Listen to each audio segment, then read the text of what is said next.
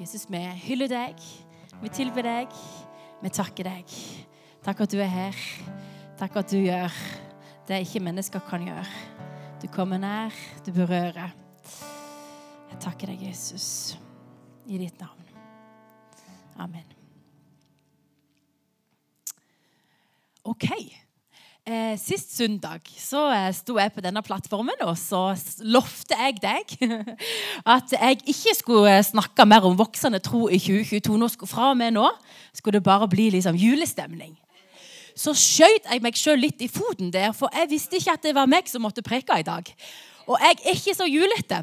Og den eneste julepreken jeg eh, har på lager, den skal jeg ha på Unge voksne i kveld så hele denne kremgjengen her får høre den eneste julepreken jeg har på lager. Og det gjør jo at når Bente meldte inn at hun hadde blitt syk på fredag, eller hvor tid det var, så måtte vi hive oss rundt og lage julepreken nummer to. Jeg tenkte hjelp Gud, her, her trenger jeg mer nåde enn en normalt. For jeg er ikke så julete. Men så har vi hatt eh, farmor på besøk. Jonny sin mor har vært på besøk. Og eh, Hun bor i Sverige, hun ser ikke ungene så ofte, så når hun kommer, sant, så er det jo sånn Se hvor store han er blitt, se hvor store hun er blitt. Vi har vært, liksom, hatt alle de rundene der. Og det er liksom sånn Å nei, nå ligner han enda litt mer på Jonny når han var liten. De, de liksom kjørte hele den liksom sammenligningsregelen. Og da tenkte jeg på noe. For jeg tenkte på at Jesus han ble jo òg født inn i en familie. Og jeg tenkte vi, jo ikke, vi vet jo ikke så veldig mye om liksom, den familien, men det kan jo hende han òg hadde ei bestemor som sa liksom 'Se hvordan han ligner på mora', liksom. Eller 'Se, der har han fått nesa til onkel'. Det var synd. Eller? At, det på en måte, at det var gjerne noen sånne greier de holdt på med òg. Eller 'Å, se liksom på Jesus og søster', de har liksom den samme liksom, medlidende følelsen. Altså, kanskje han òg hadde en sånn familie. Jeg vet ikke. Men der, vi, det, vi kan vite noe om Jesus' sin familie. For det står i Matteus kapittel 1. Noe om Jesus sitt slektstre. Og Gud valgte en familie som hans sønn skulle komme og bo hos. Og når han gjorde det, så skulle du trodd at han velte liksom han som skulle bli verdensfrelser, Messias, som de hadde venta på i hundrevis av år. Når Gud skulle velge en familie til sin sønn, så skulle du tenkt deg at han hadde valgt dem fra øverste hylle. skulle Du ikke? Du hadde tenkt at han hadde valgt liksom det der. Det perfekte, det skulle du trodd. Den hellige liksom Guds sønn, han som skulle kalles nå må vi se, under, rådgiver, veldig Gud, evig far, fredsfyrsten og alle de titlene på denne mannen. liksom. Når Gud skulle velge en familie til sin sønn, så burde det jo minst vært liksom, noe upper class. Det burde jo ha vært et eller annet sånn eh, relativt eh, hel ved, i hvert fall. Sant? Det burde jo ha vært eh, renrase, sant? Eh, jøder Det burde vært mange ting når Gud valgte en familie for sin sønn. Iallfall ikke noen svarte får, liksom. Iallfall ikke noe skandaløse greier. Og det som er interessant, er at i dag så skal vi se litt på Jesu ettertavle. Og så skal vi se om det var sånn at Gud valgte det som var helt perfect. Det som var helt sånn eh, wow, ypperste klasse, reindyrka greie. Eller var det, eh, var det ikke et lytefritt eh, slektstre Jesus ble født inn i? Du har kanskje lest det, du har kanskje sett det, men vi skal til Matteus um, kapittel 1 og vers 1. Og der står ettertavle for Jesus Messias, Davids sønn. Abrahams sønn. Det begynner så vakkert. Det begynner der. Han er Davids sønn, han er Abrahams sønn. Og profetene sa at han som skulle komme, Messias, kongen, frelseren, han skulle være, han skulle være Davids sønn og Abrahams sønn. Og da tenker du, da er du på rett kjøl. Okay? Så skal vi lese videre. For allerede i vers 2 så begynner dramaet. Skikkelig, skikkelig skikkelig dumt i vers 2, Matteus. Ja. Å ja, det hadde jeg òg tatt med. Det glemte jeg i farten. For det som, eh, det, når Gud valgte at uh, han skulle komme og bo blant menneskene, så måtte han bli født i kjødslignelse. Han måtte bli et menneske.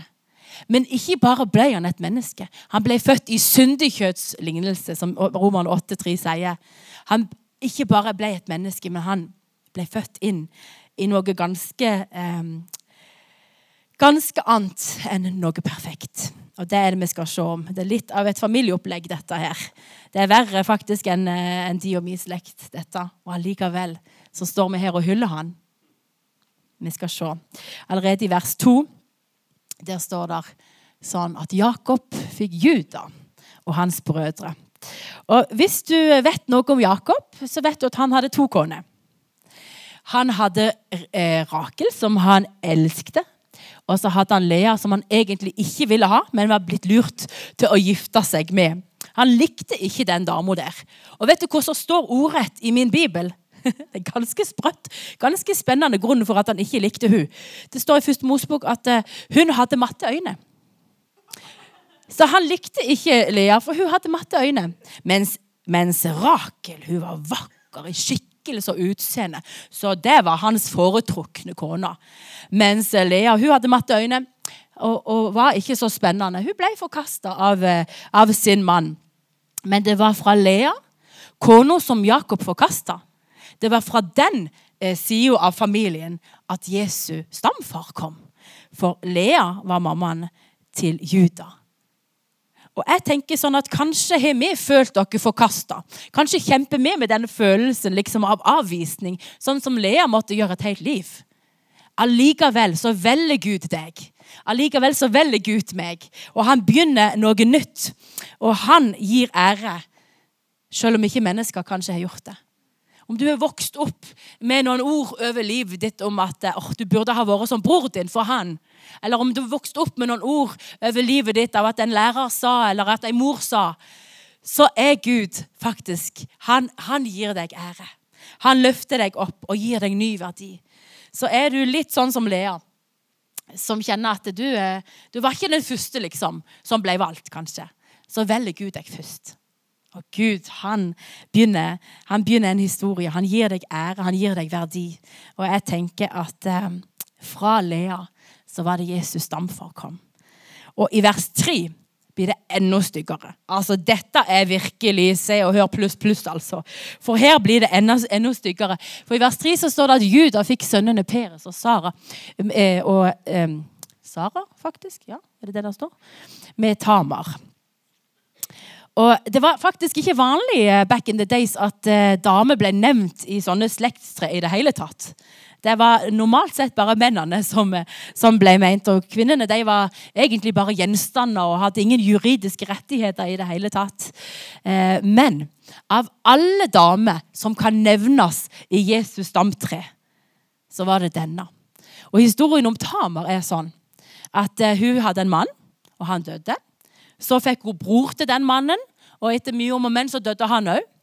Og så var hun så despo etter å gjenopprette sin ære. Og hun var så eh, hun, hun lengta etter å få en unge, og hun lengta etter å sikre seg sin framtid.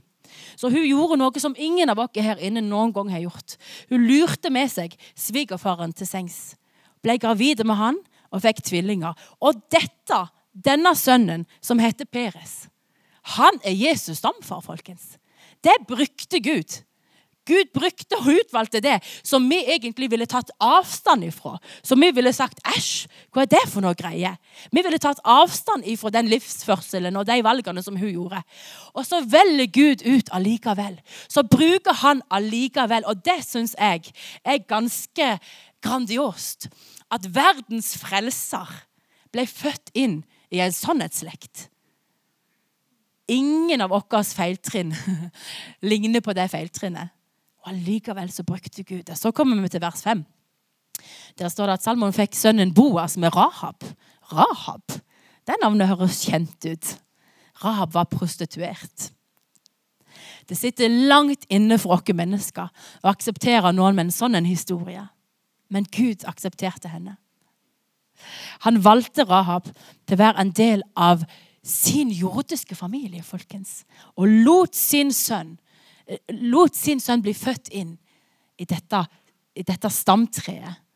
Verdens frelser, Messias. Og hans stamfar var sønn av ei prostituert. Vi har alle gjort feil. Kanskje ikke så grove som disse, som, som Rahab gjorde, men eh, Gud kan gjenopprette alt det som er gått galt. Gud kan begynne på ny med oss alle. Og det er jo det som er sannheten. At uansett så er det bare nåde. Alt i hop. Det er bare nåde, alt sammen. Videre i vers 5 så fikk Boas han fikk Obed med Ruth. Og Ruth hun, hun var en veldig fin dame. Veldig god karakter. Men hun var ei hedningekvinne. Hun var et hata fiendefolk. Og det var helt uhørt at Messias ble født inn i en sånn slekt. For, for, for um, hedningene de hadde ikke tilgang til tempelet. De kunne ikke komme inn og dyrke Gud. Faktisk i ti slektsledd etterpå, altså generasjoner i ti slektsledd etterpå, fikk ikke lov å komme inn i tempelet. Og av alle mulige kandidater som Gud kunne valgt til å være en del av, av, av sin sønns slektstre, så var Ruth der. Og kanskje tenker du jeg er av feil familie, eller jeg, hvem er jeg, liksom? Det er helt feil at jeg er leder for et eller annet. Det er helt feil at jeg skal liksom Men Gud vil ha akkurat deg. Han vil ha akkurat deg akkurat nå, til akkurat det som han har kalt deg til. Det handler ikke om historikk. Det handler ikke om bakgrunn. Det handler ikke om hvem du er i slekt med, hvor du er født. og at den kom fra der. Eh, nå, er, nå er min generasjon helt annerledes, men jeg skal bare tilbake til mine besteforeldre før det argumentet ble brukt. At ja, men min familie var ikke så fine. sånn. Vi kan ikke det, vi. Vi kom jo ikke sant? Så er det helt feil. Gud velger ut den han vil. Han gjør det han vil med den han vil. Vers 6. David fikk Salomo med Urias hustru. Altså Batseba får ikke engang bli nevnt med sitt eget navn her. Bare ved navnet med sin eksmann. Og hennes sønn, Urias hustrus sønn, er en av forfedrene til Messias. Gud er en mester i å begynne på nytt. Han er en mester i blanke ark. Du trenger ikke identifisere deg med fortida. Han lager noe nytt for deg. Og eh, Jakob, vers 16 ble far til Josef, Marias mann. Av henne ble Jesus født, han som kalles Messias. Og det var faktisk Josefs etterliste som gjør at profetiene gikk i oppfyllelse. Og Han hadde egentlig ikke, egentlig ikke så mye med den graviditeten å gjøre i det hele tatt. Men det er av hans ett at, at, at, Messias sine, at profetien om Messias blir oppfylt. Og bare der så rakner ideen om denne hellige, fromme familien. Altså ei dame som får en baby utenfor ekteskap, og en pappa som, som Jesus skal kalle pappa, som ikke egentlig er pappa. Altså, For et kaos, spør du meg. Og allikevel så er det den familien Gud velger. Og det syns jeg er sterkt. Og på den måten som Gud bevisst utvalgte denne, den slekta og den etto, etten til å være sin sønns familie, sånn utvelger han deg bevisst. Han vil ha deg helt bevisst. Det er ikke bare tilfeldig. ja, ja, får bare ta med noe rask her. Han velger deg helt bevisst. Det er med overlegg at han, Av alle urimelige kandidater som han kunne finne, så fant han disse verstingene. Og så velger han oss. Og så velger han deg, og så velger han meg. Og Gud vil ha familie. Han vil stifte familie her på jord òg i dag. Og han vil ha deg med i sin familie. Og han vet om din bagasje, dine skavanker, tralala. Men han vil ha deg allikevel. La ikke være fnugg av tvil om at han elsker deg. Han vil ha deg. I det første kapittelet i Det nye testamentet, i Matteus evangeliet, får vi et hint om den altomfattende overskyggende Guds kjærlighet. Når han velger alle disse. De tjenerne som vi ville trukket oss vekk fra i avsky, de velger Gud. Det er det første hintet. Denne fødselen og det første livet til Messias. Det er det første, første hintet om, om, om, om hvor langt Gud er villig til å gå for å bevise sin kjærlighet. For å vise at han elsker. For å gjenopprette menneskeheten og forsone verden med seg sjøl. Så gikk han så langt. Og da må vi høre 1. Peter, vers 2. Nei, kapittel 2, vers 9-10. Og dette er veldig sterkt. Bare ta inn disse ordene. Dette er kjempesterkt, for der står det sånn Men dere er en utvalgt ett. Et kongelig presteskap. Et hellig folk. Et folk til eiendom for at dere skal forkynne hans storhet. Han som kalte dere fra mørket til sitt underfulle lys. Dere som ikke før var et folk, men nå er blitt Guds folk. Dere som ikke før hadde funnet miskunn, men nå har fått miskunn. Dere er utvalgt. En utvalgt ett. Det er til deg, og det er til meg. Du er en utvalgt ett. Og så et kongelig presteskap. Der er det to titler bare der som er litt drøye. Kongelig og prest. Altså, ho, lista er der. Men du er en utvalgt ett. Et kongelig presteskap. Et hellig folk. Satt til sides for Gud for at du skal forkynne hans storhet. Og jeg tror nettopp derfor kan du forkynne hans storhet. Fordi det beviser hvor sterk Guds nåde er. At han velter deg, og at han velter meg. Det beviser hvor enormt sterk hans miskunnhet er. Og det gjør at jeg får ingen ære, og han får all ære. Jeg er et utvalgt en utvalgt ett. Kongelig presteskap, et hellig folk. Så jeg skal forkynne hans storhet. Og for å forkynne hans storhet så må jeg bøye meg ned. Og så må jeg være ærlig og si i meg sjøl jeg er ikke så mye, kan ikke så mye, jeg har ikke greie på alt. Men på grunn av at jeg ikke har fått miskunnhet, på grunn av at jeg ikke har fått nåde, på grunn av at jeg ikke har møtt han, og at han har gitt meg en ny identitet, et nytt liv og en ny begynnelse, så kan jeg forkynne hans storhet på tross av. Hører du meg? På tross av. Jeg er ikke her for å syke deg ned og si at vi er bare støv. og tralala, men jeg er her bare for å si kunne Gud bruke alle disse folkene her. Kunne Gud la sin sønn bli født inn i en sånn en, eh, i, i sånn en syndig kjøttslignelse som disse, disse folkene her. Valgte han denne familien her så har han iallfall valgt deg. Kan han iallfall bruke deg. For det er han som istandsetter. Det er han som helliggjør. Det er han som gjør deg rettferdig. Derfor kan du forkynne hans storhet. Fordi det er han det går i. Du skal få lov å ta det videre, Jonny.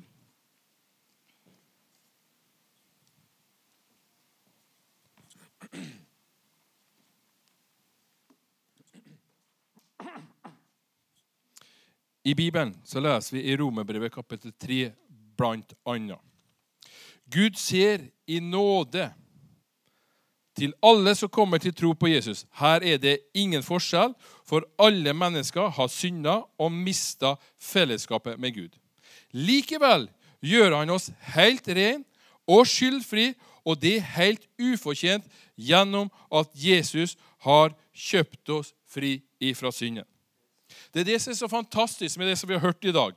Gud tilgir alle som kommer til tro på Jesus. Vi har fått hørt en forkynnelse, vi har fått hørt bibelverser fra Miriam, fra flere mennesker som egentlig ikke har fortjent noe som helst. Egentlig bare ha det bra. Men Guds godhet, Guds nåde, Guds tilgivelse, Guds kjærlighet, Guds omsorg er så stor at det han gjorde gjennom Jesus, passer vi alle sammen inn i. Det er ingen som kan si 'jeg passer ikke inn i dette'. For gjennom denne slektstreet, gjennom det som Jesus har blitt født inn i, så kan vi si med Bibelen, med Guds ord, så kan vi si alle passer inn. Jeg syns det er så fantastisk når Bibelen sier det at alle kommer til kort, men på, Gud, på grunn av Guds storhet, Guds godhet, Guds kraft, så blir du tilgitt i Jesus Kristus.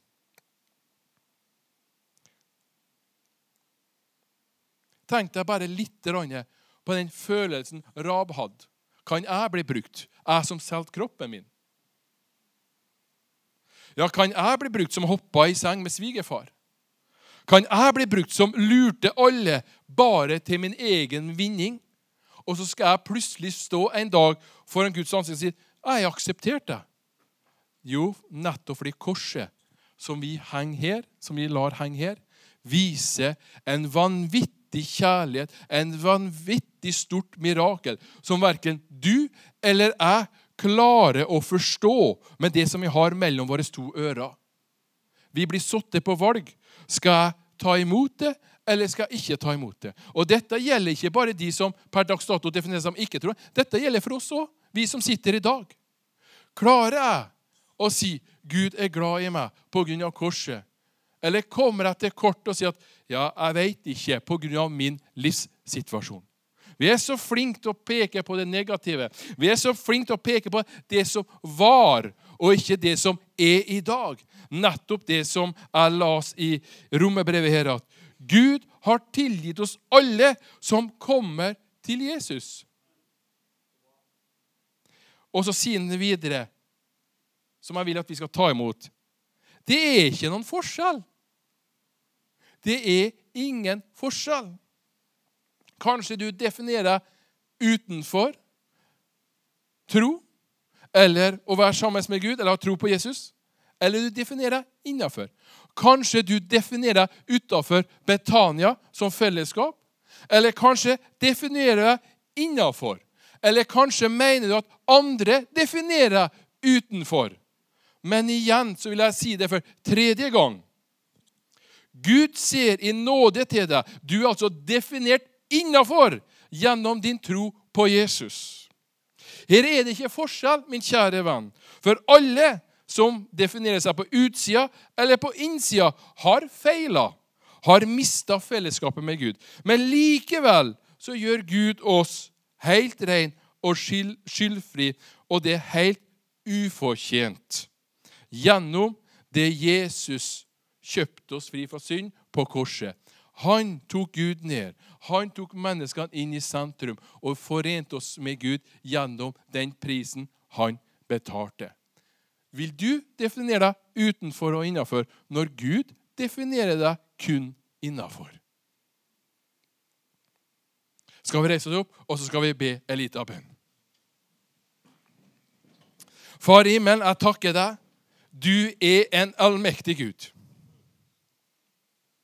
Takk, Herre, for at vi kan stole på det som ditt ord har sagt. Og Det kan vi også gjøre når vi ser på historien. Det ble sagt 700 år før når Jesus døde, at Jesus kom til å dø. Det ble sagt 700 år før Jesus sto opp, at han kommer til å stå opp. Det ble sagt i mange hundre år før Jesus demonstrerte sin kraft, eller Guds kraft på korset, at Gud skjer i nåde til oss alle som kommer til tro på Jesus. Det er ingen forskjell. Det ble sagt flere hundre år, 700 år før alt skjedde, at det kommer til å skje, og så skjedde det. Takk, Herre, for at vi kan si at det er ikke noe forskjell på oss. Selv om vi føler det, eller selv om vi mener at noen har sagt et stempel på oss. Jeg er utafor, eller jeg er innafor. Når Gud har sagt et stempel på oss, vi alle er innafor av det Jesus gjorde. Takk, Herre, for at vi kan gå ifra dette møtet med heva hode. Der vi kan gå ifra dette møtet med god samvittighet. Jeg er akseptert av Gud fordi min tro på Jesus er nok for mitt liv.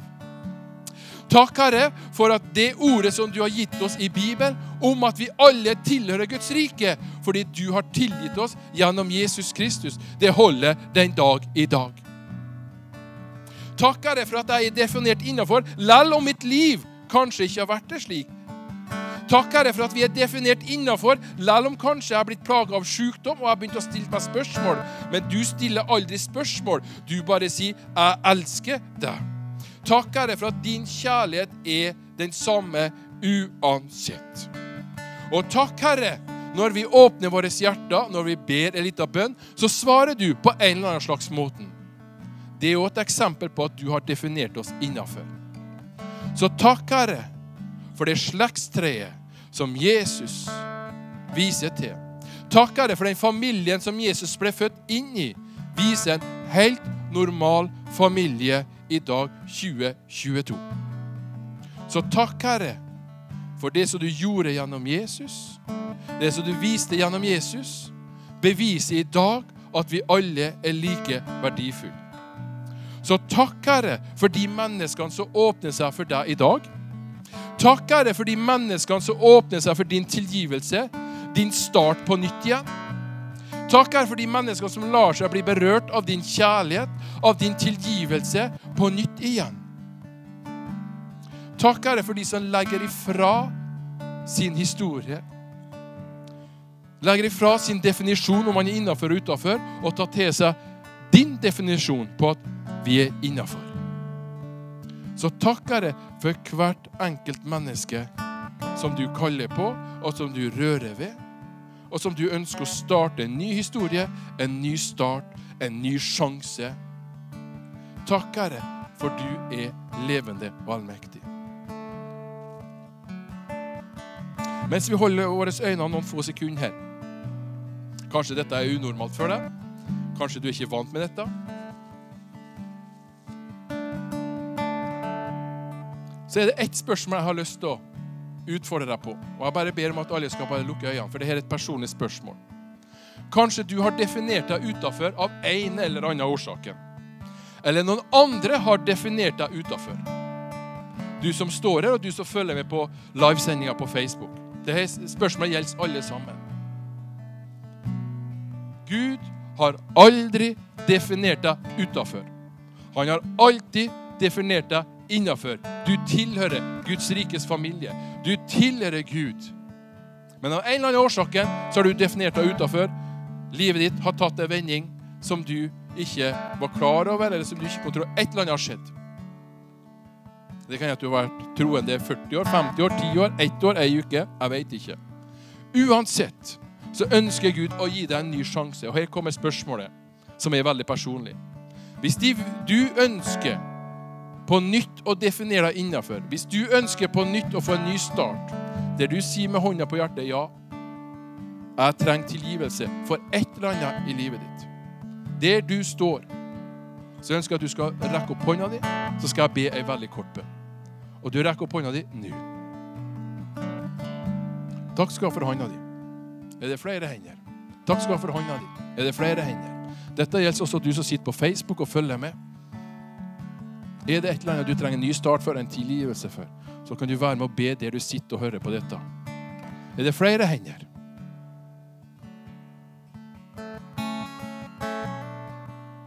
Far i himmelen, jeg tak takker deg for din definisjon av oss.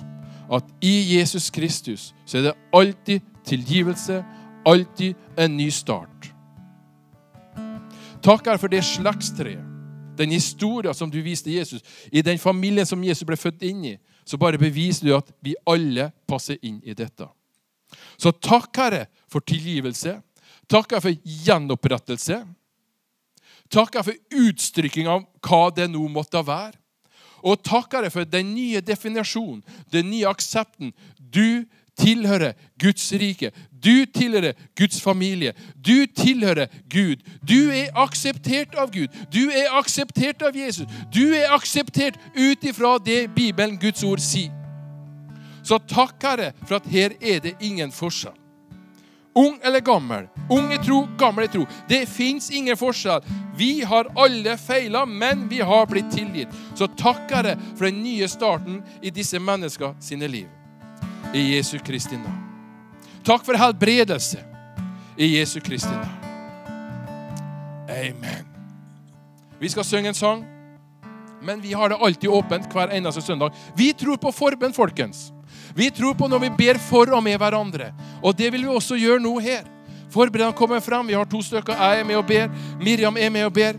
Og vet du noe?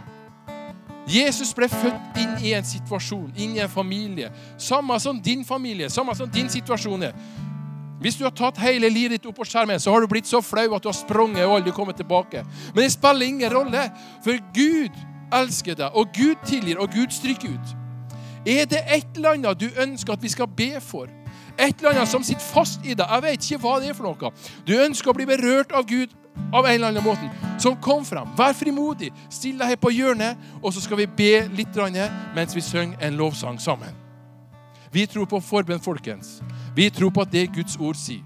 Og som jeg har begynt med vær Alt er mulig for hver den som tror på ja navnet Jesus Kristus. Vær med og syng. Kom frem og vær frimodig, så skal vi be for deg.